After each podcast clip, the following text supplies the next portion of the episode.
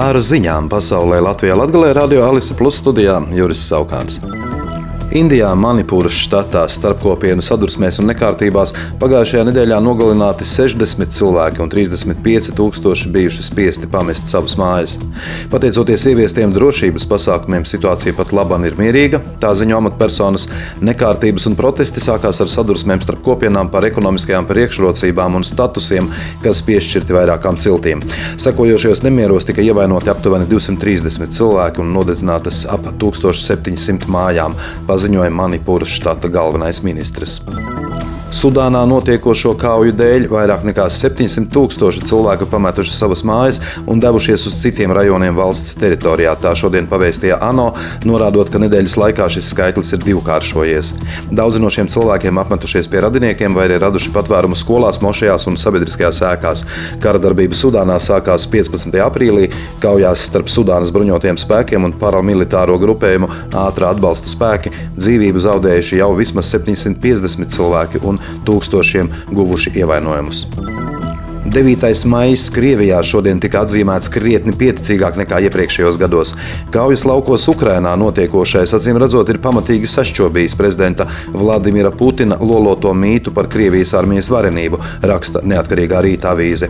Tādēļ liela daļa no Putina valdīšanas laikā ierastajiem skaļajiem rituāliem šogad atcelti, raksta Medūza IO, piebilstot, ka arī Krievu propagandisti no prezidenta administrācijas saņēmuši nepārprotamu signālu ar 9. maija piesaukšanu vietā un nevietā šoreiz neaizrauties.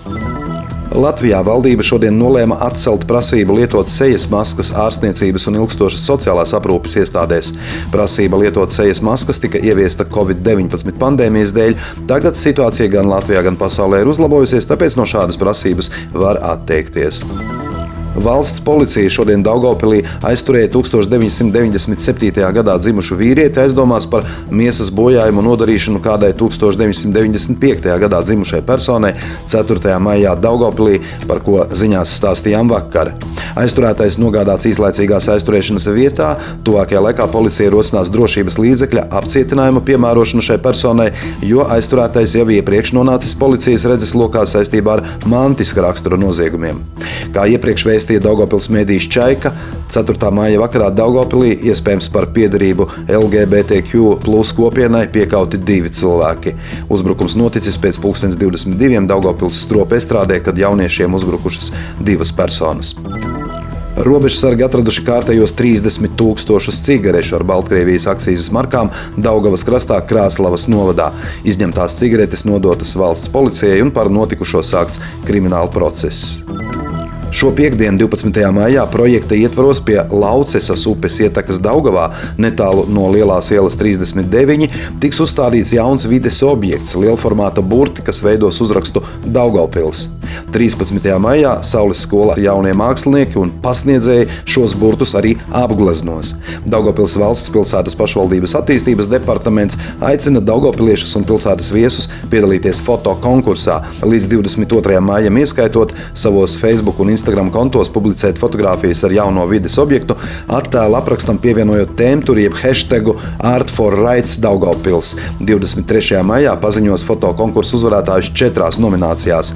Facebook foto ar visvairāk atzīmēm patīk, Instagram foto ar visvairāk atzīmēm patīk, eh, Facebook foto ar kuplāko ģimenes vai draugu pulku un Instagram foto ar kuplāko ģimenes draugu pulku.